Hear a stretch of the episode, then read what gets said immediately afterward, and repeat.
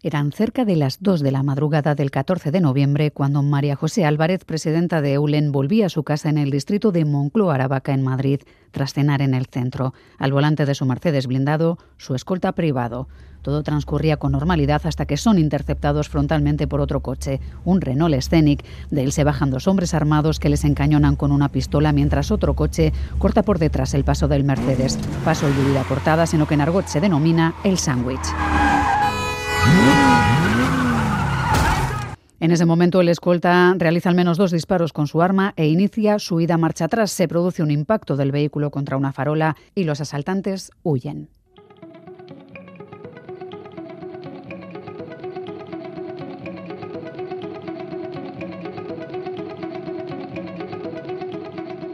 La policía que está en plena investigación del caso cree que el móvil fue el robo del coche, un Mercedes de alta gama valorado en más de 150.000 euros. Desde la Asociación de Escolta subrayan que los asaltantes conocían el domicilio, habían acechado por la zona y podríamos estar hablando de un intento de secuestro. La presidenta de EULE, nacida en Bilbao, tiene una fortuna estimada en 250 millones de euros. ¿Por qué conformarse con robar un coche pudiendo lograr más dinero?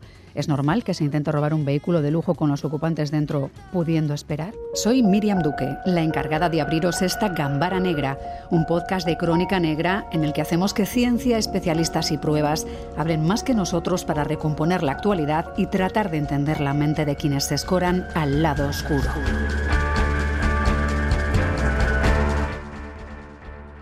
Vicente de la Cruz es presidente de ASES, la Asociación de Escoltas. Vicente, ¿qué tal? Bienvenido. Bien, muchas gracias. Vicente, supongo que en cuanto este incidente se produce, contactáis con el escolta de la presidenta. ¿Se encuentra bien? ¿Se encuentran todos bien? Sí, la verdad es que es un hombre muy sereno y, bueno, me dijo, oye, un susto, pero todo bien. Bueno, no es el único escolta con el que cuenta, ¿verdad? Al menos habría otro en la vivienda esperándoles. Sí, sí, ahí tienen un servicio de escolta más amplio, pero digamos que el riesgo ahora no es tan elevado y estamos en una situación mucho más tranquila y, un domingo por la noche, pues al ladito de su casa, como quien dice, pues eh, lo normal es que, bueno, pues dar libre al equipo y, reducirlo de, número, ¿no? Claro, la policía, Vicente, cree que estamos ante el robo de un vehículo de alta gama. Es verdad que hablamos de un blindado de unos 150.000 euros o algo más, prácticamente nuevo, pero aún así os cuadra con el modus operandi de lo que ocurrió. No, no, no, no tiene, eh, no tiene sentido. La, la, zona en la que estamos hablando, eh, los coches que se, se, aparcan delante de ese restaurante son Lamborghini, Ferrari, es decir, hay muchísimos coches de, más valor. Eh, y, segundo, no tiene sentido intentar el robo de un vehículo con armas eh, cuando puedes esperar o cuando esté aparcado o se lo puedes quitar hasta la aparcacoches. En fin, hay un montón de, opciones antes que, este intento que no cuadra en absoluto con el robo de un vehículo. Parece que hay dos vehículos que siguen al de la presidenta durante un tiempo. Uno de ellos rebasa, ¿no? Si, si no me equivoco, y entonces les cortan los movimientos. Se queda entre ambos y es ahí cuando se tratan de defender posiciones. Al menos uno de los asaltantes también iba armado, aunque no llega a disparar, ¿verdad? Sí, eh, esto es lo que vemos en las cámaras. Y, lo que sí parece claro es que había habido unas vigilancias previas, saben eh, dónde acaba el itinerario, saben que ahí además se reduce la velocidad porque es una calle ya limítrofe con, con una vía, con una autovía y, y, es cuando deciden hacer, es algo que tenían planificado claramente, esto no, no se ejecuta sobre la marcha, tenían conocimiento de dónde, de dónde estaban y, y bueno, pues eh, les podía haber salido bien, pero la reacción del escolta hizo que les saliera mal. ¿Cuál suele ser el protocolo para el escolta que está en la vivienda? Si entiendo que, están en más alerta que cualquier otra persona que esté en su domicilio o iría, bueno, pues esa persecución o al menos eh, el primer disparo y a partir de ahí se pondría en marcha, ¿no? Bueno, el, que está en el domicilio está con el centro, con el circuito cerrado de televisión, viendo el entorno y, seguramente había habido ya una comunicación previa para decir, pues estamos llegando en el largoto, en la clave que tuviesen y estaría atento a la llegada eh, y eso también ayudaría a que, a que su presencia bueno pues disuadiera aún más si es que si es que se dieron, si es que se dieron cuenta no eh, es un refuerzo importante en este caso aunque eh, los hechos ocurrieron casi a 300 metros de, de donde estaba este este segundo personal de seguridad. O sea que probablemente lo oyó de lejos y sería más la información que le fuera llegando por las cámaras. Para quien esté pensando que, que un secuestro es algo excesivo, ¿no? Que estemos valorando esa hipótesis en el entorno. Se han producido intentos de secuestro. ¿Esto está pasando, en, bueno, aunque sea en un bajo número de ocasiones? Está pasando, eh, eh, está pasando y es creciente.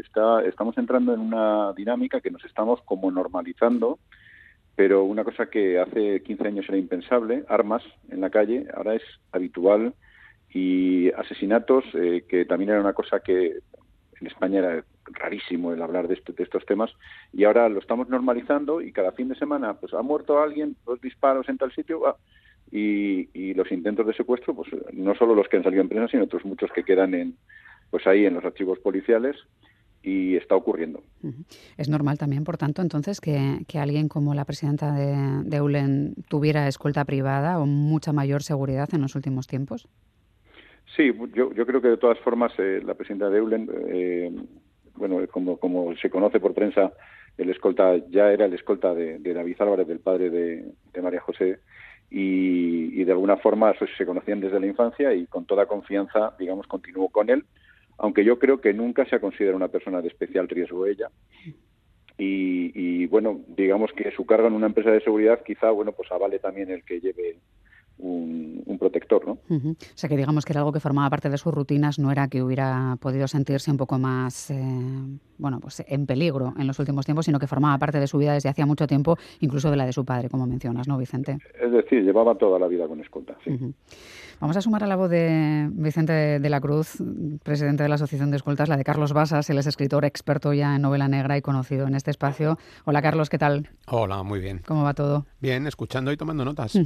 Bueno, de momento la investigación oficial habla de intento de robo de vehículo y no parece estar por la vía del secuestro, pero es verdad que estamos hablando de una mujer que es presidenta de ULEN de la bodega Vega Sicilia, adquirida por su familia en el 82, que es una mujer con mucha fortuna y que entiendo que, bueno, pues que tiene sus medidas de seguridad para evitar que algo pueda pasar.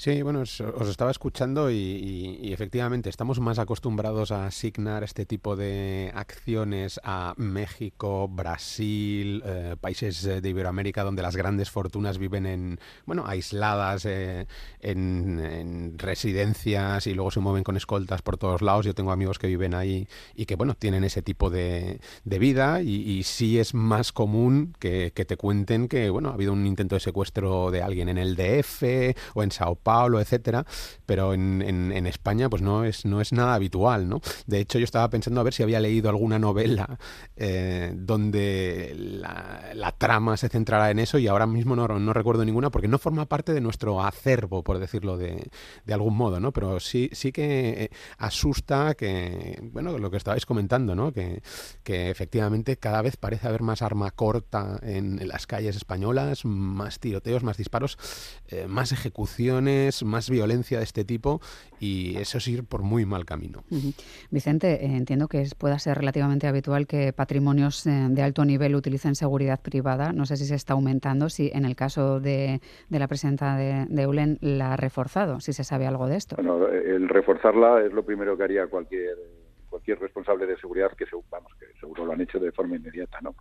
Eh, sí es normal que las grandes fortunas o las personas que tienen sí, sí tengan protección porque bueno pues eh, es una garantía ante cualquier circunstancia que pueda darse, ¿no?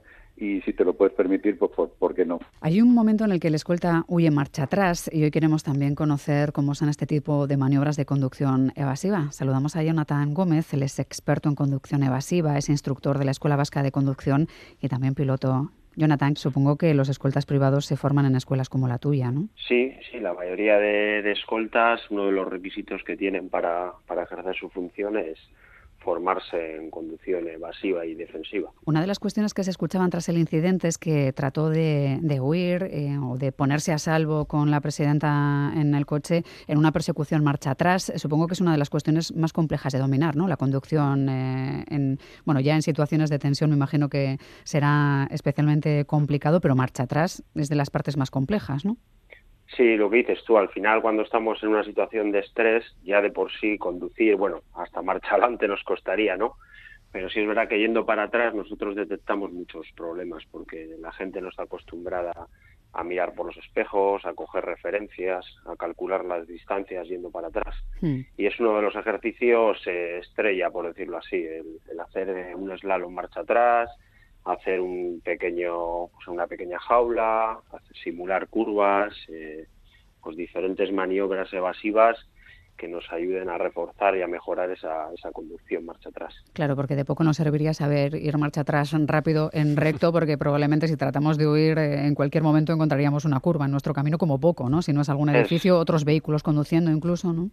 Sí, ese es el problema. De hecho, hemos tenido ejemplos claros y que se han dado en televisión, por desgracia, de, de agresiones armadas y agresiones terroristas, como una que pasó en Francia, que arremetieron contra la policía local y, los policías locales intentaron huir marcha atrás y bueno, en condiciones de estrés y en una situación de riesgo como esa, pues al final acabaron colisionando contra vehículos que estaban estacionados y los terroristas pudieron eh, abalanzarse sobre ellos y, y agredirles eh, con armas de fuego. Hay claves, Jonathan, que puedan servirnos. Si vemos que nos adelanta un vehículo, por ejemplo, y trata de cortarnos el paso, ¿hay algo que como profesional puedas hacer tú o que nos recomendarías aprender a hacer?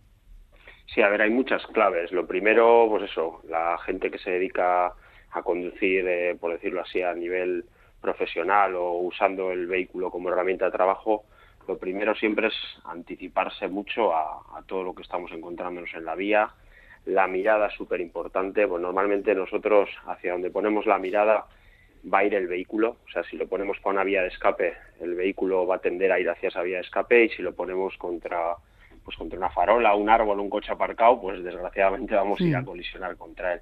Entonces es importante eso, la anticipación, la mirada y luego, claro, luego saber manejar bien los pesos de un vehículo, el volante, cosas básicas que muchas veces no, no tenemos esa destreza adecuada. Manejar los pesos, eh, ¿te refieres por si tenemos que girar tirando de freno a mano, por ejemplo, para que no se nos vuelque o a qué te refieres exactamente? Sí, sí, eso es. Bueno, antiguamente sí es verdad que con los vehículos eh, antiguos era mucho más fácil realizar este tipo de maniobras. Con los coches modernos tenemos un problema. Eso es, estaba pensando que con los automáticos no sé yo cómo, cómo se procede ya todo no, esto. Ya no son los automáticos. Los vehículos de hoy en día tienen tanta tecnología y tanta electrónica que son muy seguros en el día a día, pero para este tipo de maniobras eh, no resultan tan fiables o tan seguros porque no nos dejan hacer eh, igual lo que queremos con el vehículo. Si queremos hacer un cambio de, dirección brusco o si queremos derrapar para cambiar el sentido, no nos van a dejar. Claro, eh, mencionas mucho la importancia de los retrovisores, que nos hemos acostumbrado a mirar para adelante y casi a girar la cabeza cuando vamos a cambiar de carril por, porque no los hemos ajustado o por mil contingencias que debiéramos tener en cuenta. En principio, si tuviéramos que salir lo más rápido posible marcha atrás, ¿nos recomiendas mirar al retrovisor que tenemos frente a nosotros arriba o es más importante que aprendamos a calibrar con los que tenemos a izquierda y derecha de las puertas? No, los más importantes son los de fuera siempre, el izquierdo y el derecho, ya que el de dentro depende del tipo de vehículo que llevemos, por ejemplo los vehículos policiales o ambulancias o de bomberos o cualquier otro vehículo prioritario, nos vamos a encontrar con que llevan mampara o llevan zona de carga y no, no vemos por el espejo interior. Es súper importante mirar por los de fuera. Es eh, algo, supongo, Vicente, que para vosotros no es tan extraño como para la mayoría de la gente que nos esté escuchando, porque entiendo que como escolta en alguna ocasión se pasará por algún curso similar, ¿no? O al menos por algún curso de conducción en situaciones complicadas. No, es absolutamente fundamental. La formación en conducción es imprescindible para, para un escolta. Y al hilo de esto, porque hay una polémica constante y es que hay, muchas ocasiones en que te encuentras que los protegidos, la, gente que proteges, tienen chofer, ¿no? Y, nosotros siempre estamos diciendo, no, no puede ir un chofer cualquiera, el volante tiene que llevarlo un profesional de la seguridad con capacidad de reacción, porque esto es lo que te salva la vida. No el que vaya al lado un escolta armado, sino que el primer movimiento, el quitarte de en medio, hace perder, como ha ocurrido en esta ocasión, la iniciativa. Eh, luego la, la, respuesta armada intimida, pero lo que ha conseguido evitar este, este secuestro, susto, no sabemos qué será, eh, ha sido la reacción al volante, ¿no? Y esta es la clave, ¿no? El conductor y la formación en conducción es absolutamente fundamental. Y ahí tiene que ir alguien que tenga esa capacidad de reacción y ese entrenamiento y el estar eh, preparado, avisado para hacer una maniobra lo suficiente, en este caso tiró hacia atrás porque no podía tirar hacia adelante. Intentó escapar por una acera, pero al final, bueno, pues eh, se encontró con una farola. Los escoltas tienen formación eh, en conducción, es fundamental, como nos dice Vicente Jonathan. Entiendo que la mayoría de la gente acudirá a una clase como las de la Escuela Vasca de Conducción, también para aprender a conducir con fuertes lluvias o bajo condiciones adversas, como pueda ser granizo o nieve, que esto también viene bien para las otras cuestiones, pero será más por ahí, ¿o no? Sí, a ver, normalmente nosotros diferenciamos en dos tipos de cursos, ¿no? Por un lado está la conducción segura, lo que has dicho tú, es un poco para mejorar nuestra reacción y nuestra conducción en situaciones adversas, pues aquaplaning, frenadas en suelo deslizante, control de derrape. Y luego, por otro lado, está un poco más técnicamente hablando lo que es lo que hemos comentado antes, la conducción evasiva defensiva para profesionales que ya combina combina los ejercicios de conducción segura que son de frenada, control de derrape, slalom, con una parte que son ejercicios de maniobras evasivas marcha atrás, que allá se hace un slalom conometrado, pues vuelta en Y, jaulas en las que entramos de, en un sentido y tenemos que salir en otro, y una serie de ejercicios que ya van a aumentar nuestra destreza pero para situaciones comprometidas. Has mencionado dos veces el asunto de la jaula. Eh, esto me tiene a mí un poco intrigada. No sé si porque no hice los exámenes eh, como se hacían antiguamente. Esto sería eh, entrar en un espacio muy reducido sin golpearnos y volver a salir, como si aparcáramos en un sitio sumamente estrecho. Eso es, eso es. Es entrar en un cuadrado pues de dimensiones bastante pequeñas en el que tenemos que entrar y salir en el menor número posible de maniobras antiguamente con los vehículos antiguos, lo que he comentado, pues ese ejercicio era, por decirlo así, muy divertido porque de una sola maniobra tirando de freno mano, pues igual podíamos cambiar la trayectoria del vehículo de 180 grados. Pero hoy en día es inviable. Con los coches de hoy en día, con todos los sistemas de seguridad activados, bueno, y aunque los desactivemos, tampoco nos dejaría girar tan bruscamente o en, o en tan pocas maniobras. Entonces tenemos que aprender a salir de situaciones de riesgo pues de otra manera, que sería tipo jaula o la vuelta en Y, que es como hacer una maniobra rápida de meter el morro en un el morro del vehículo en un espacio que veamos entre dos coches aparcados en un callejón y dar rápidamente para atrás y salir otra vez hacia adelante. Son otro tipo de, maniobras. Y esto se trata de repetir y de hacerlo hasta que tengamos cogidas las medidas sin darnos cuenta. Es de aprenderse ciertas referencias. ¿Cuáles son las claves? Una referencia buena para girar un vehículo con seguridad marcha atrás, pues es calcular cuando el obstáculo está en el eje trasero, pues iniciamos el giro. Y cuando el eje trasero, por ejemplo, está saliendo de, ya de la curva o del obstáculo, pues enderezamos. Es jugar un poco también con referencias. Pero bueno. estoy dibujando a la vez. Es una cosa complicada, Carlos. No sé si a ti te vendría bien, eh, no solo ya como persona, porque a todos nos viene bien eh, controlar el vehículo para lo que pueda pasar. Mm, entiendo que con un aquaplaning será lo más probable que nos pueda pasar a, ti o a mí, sino también un poco como escritor, ¿no? Para, para desarrollar momentos mm. reales, ¿no? Fíjate si voy a confesar algo inconfesable, es que no tengo ni carné de conducir. Sí, entonces necesitas un curso de Jonathan completo. Pero sí, no, entiendo, entiendo que, evidentemente si eres un escolta y vas a llevar vehículo, pues, pues sí, ¿no? Pero yo estaba visualizando lo que decía él, ahora en día con los coches automáticos, y que, tienen estos sensores, por ejemplo, que te paran el coche si estás demasiado cerca de un muro, cuando aparcas o lo que sea, tiene que ser complejísimo, ¿no? O sea, manejarse con eso porque el, vehículo te impide constantemente hacer lo que tú tienes en la, en la cabeza y supongo que tiene que ser un reto enorme para ellos y habrán tenido que reciclarse y adaptarse a la, a la nueva tecnología de los nuevos vehículos eh, rápidamente, ¿no? Vicente, ¿qué dicen los escoltas o, qué decís a este respecto? ¿Ha habido que, modificarse también al tipo de, vehículo en el que nos movemos hoy en día, incluso a las ciudades, ¿no? porque ahora también hay patinetes, hay bicicletas, hay, hay de todo. Sí, sí, la conducción es una parte importantísima de la formación de un escolta, eh, no solo porque tengas que hacer maniobras evasivas, sino porque eh, eh, la mayor parte de los atentados se producen eh, cuando sales o entras a un domicilio o en los itinerarios. Y los itinerarios se suelen realizar en, vehículo. ¿no? Y respecto al reciclaje, pues ha sido brutal, porque de, como contaba Jonathan, de tirar del freno de mano y hacer una vuelta contrabandista y te lo pasabas fenomenal, ahora pues todo se enciende y el coche se queda ahí en medio de la nada y hasta que hemos conseguido empezar a darnos cuenta de que al coche hay que tratarlo con suavidad y te puede servir igual, el concepto ha cambiado absolutamente. Ya no puedes utilizar el vehículo como antes. O sea que los vehículos han pasado a, pedirte casi un baile más que, maniobras evasivas, ¿no? hay que adaptarse a, todo, Jonathan. Sí, a ver, yo creo que hoy en día sería conveniente, lo que pasa que no sé si muchos fabricantes lo tengan en cuenta, que cuando vayan a fabricar un vehículo blindado para pues para llevar a personalidades o a gente VIP, sería muy importante que ese tipo de vehículos no tendrían activados o se pondrían a desconectar todos los sistemas de seguridad activa y pasiva, porque aparte del ABS, el SP y el control de tracción, hay sistemas ahora modernos, todos los sistemas que tenemos ahora de, atropello de peatón, de obstáculo, pues todo eso se podría desconectar, nos facilitaría mucho la conducción evasiva.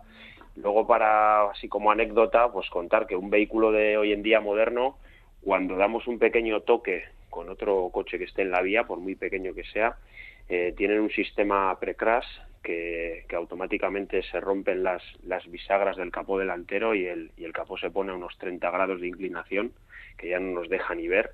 Luego muchos, muchos eh, vehículos ponen la posición de conducción ya en modo de defensa, o sea que la banqueta se reclina, se tensa el cinturón, se nos mueve el volante o en una serie de cosas que nos haría inviable seguir conduciendo.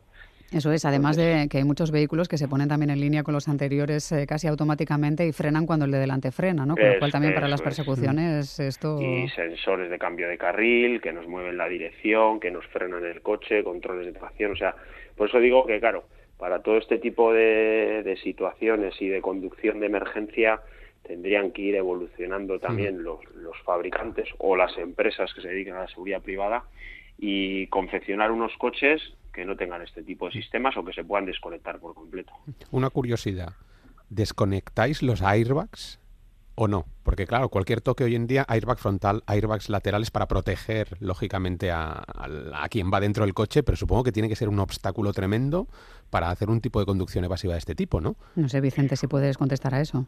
Eh, no, no desconectamos porque eh, aquí hay eh, el mayor riesgo en la carretera es el accidente que lo puede tener cualquiera, ¿no? Y, el atentado es algo que puede ocurrir muy en un horizonte muy lejano y nuestro trabajo mm, no consiste en reaccionar, que este fue el caso del otro día, sino en prevenir. Es decir, el trabajo aquí es prevención, planificación, prevención cambiar rutas, itinerarios, es decir, ese es el trabajo. Normalmente cuando llega la ocasión en la que sufres un atentado, tus oportunidades de salir con bien de eso son de un 3%, esto está calculado ya estadísticamente, es decir, en un 97% de las ocasiones, eh, si te van a matar te vas a morir, si van a secuestrarte te van a secuestrar, porque eh, el malo elige el momento, el lugar, las circunstancias más apropiadas para él y las menos apropiadas para ti. ¿no? no tenemos que mirar eso, sino que también tenemos que mirar la seguridad en la conducción de mucho me vale a mí ser muy rápido, disparar, etcétera, si resulta que tengo un accidente y me cargo al protegido o me mato yo mismo, ¿no? Mm.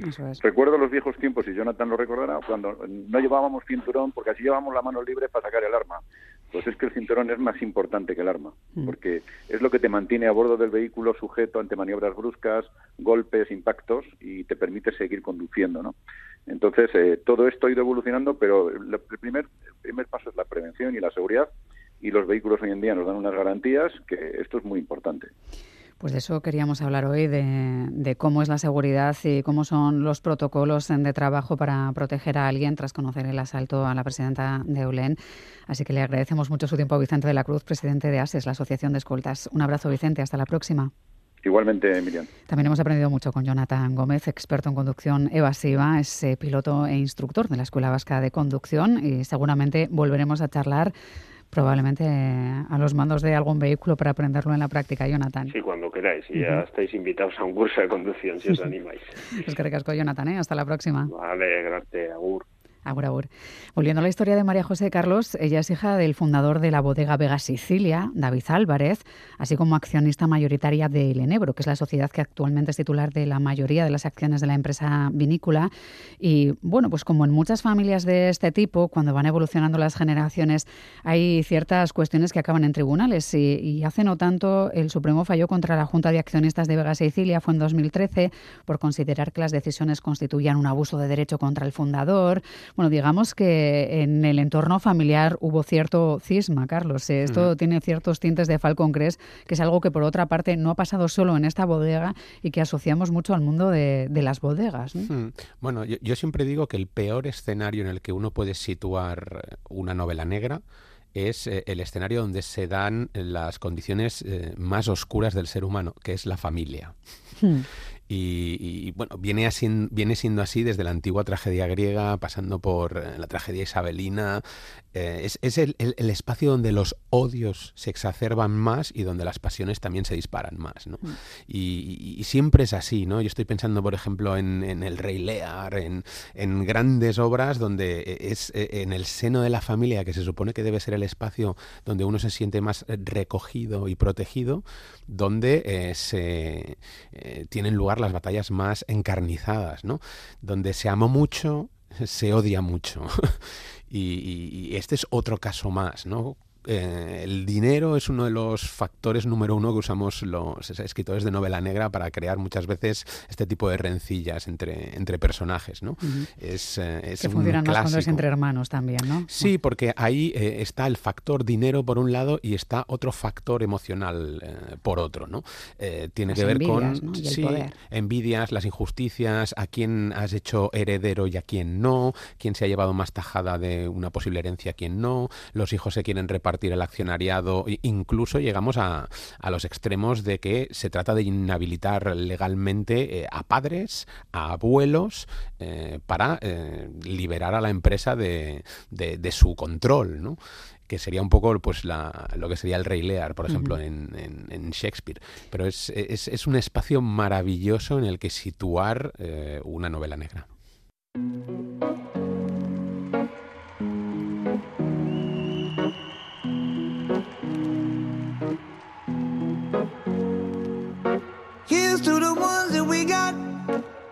To the wish you were here, but you're not. Cause the drinks bring back all the memories of everything we've been through.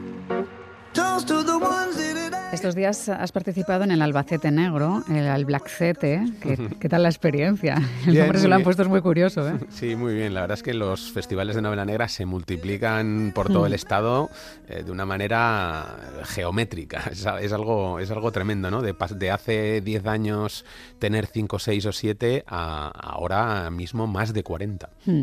Y habéis profundizado en el noir histórico. ¿Cuáles son los que más te interesan o los que más han sonado estos días en, en este evento? Bueno, lo del noir histórico es una etiqueta como, como tantas, ¿no? Es decir, las editoriales acaban teniendo que etiquetar las novelas de un modo determinado y crean, eh, pues bueno, nuevos géneros o subgéneros eh, que van más allá de los ya conocidos, ¿no? Y uno de los que más de moda se ha puesto es precisamente esto, ¿no? La combinación entre lo que sería una novela negra más tirando a policial o a thriller y una novela histórica, ¿no? Estamos hablando de esas novelas en las cuales pues hay una investigación criminal pero no situada en, el siglo XXI, sino situada pues, bueno, en el siglo XVI, en el siglo XV, incluso hay noirs históricos como los de la famosa Lindsay Davis, donde tenemos un detective privado situado en la Roma de Vespasiano. ¿no? Mm. Hay grandísimas novelas, tanto extranjeras como eh, nacionales. ¿no? Eh, lo que pasa es que el noir histórico eh, estatal tiene tendencia, por ejemplo, a situarse o en el siglo XIX o en la segunda o la segunda mitad del, siglo XX, sobre todo durante la Guerra Civil o inmediatamente posguerra civil, ¿no? como serían las, las novelas de Guillermo Galván, de Ignacio del Valle, de Javier Valenzuela ahora. Hay otro tipo de novela muy clásica dentro de lo que sería el noir histórico, que es lo que se llama el pastiche holmesiano, que son novelas que continúan eh, lo que sería la saga de Sherlock Holmes o ambientadas en, en esa época. Pero si yo me tengo que quedar con algunos de los grandes, del noir eh, histórico. Eh, tenemos que citar, por ejemplo, a Philip Kerr y su saga del detective Bernie Gunther. Este está ambientado en, el, en la Alemania eh, nazi de la Segunda Guerra Mundial. Está Chris Lloyd con Los Olvidados. tenemos a Roderick McCrae, que tiene una novela muy interesante que se llama Un plan sangriento y que combina ya el no va más. Es un noir histórico ambientado en la Escocia del 19, pero además es un falso true crime. Con lo cual ya tenemos la combinación de tres eh, etiquetas. ¿no? Otra que yo suelo recomendar es de, un matrimonio que firman con seudónimo que se llaman Ambrose Perry, La corrupción de la carne, ambientada en el Edimburgo del, del 19. Eh, tenemos a Hervé Lecorre bajo las llamas, eh, pero muchos consideran el primer noir eh, histórico como tal el nombre de la rosa de Humberto Eco. ¿no? Yo no iría tan lejos, no diría que es un noir, pero bueno, mm, encaja a la perfección dentro de, dentro de ese molde. Y lo que es encima es una novela espectacular. Bueno, pues has hecho unas propuestas sumamente interesantes. Hay que tener en cuenta antes de abrir un, libro de este tipo de crimen histórico. No sé si decir que suelen ser más brutales, pero sí que son menos limpios que, lo que solemos ver cuando es historia actual. Y a veces hay que pensar en que nos meten de lleno en, situaciones mm. y en escenas que huelen fuerte, que son muy brutales y, que son diferentes. Sí, yo para, para eso canónico, recomiendo una novela que ha sido una de las más vendidas también de los últimos tiempos, que, es de un sueco, Niklas Nat Ogdat, eh, que se llama 1793, luego sacó 1794 y 1795. ¿no? Está ambientada en, el Estocolmo de, esos años y es una novela que se huele. Eso es, estaba pensando en esa precisamente, así que estamos perfectamente en la onda, Carlos Basas. ¿eh? Así que 1793, 94, 95. Un beso, Carlos Basas. Un beso, hasta luego.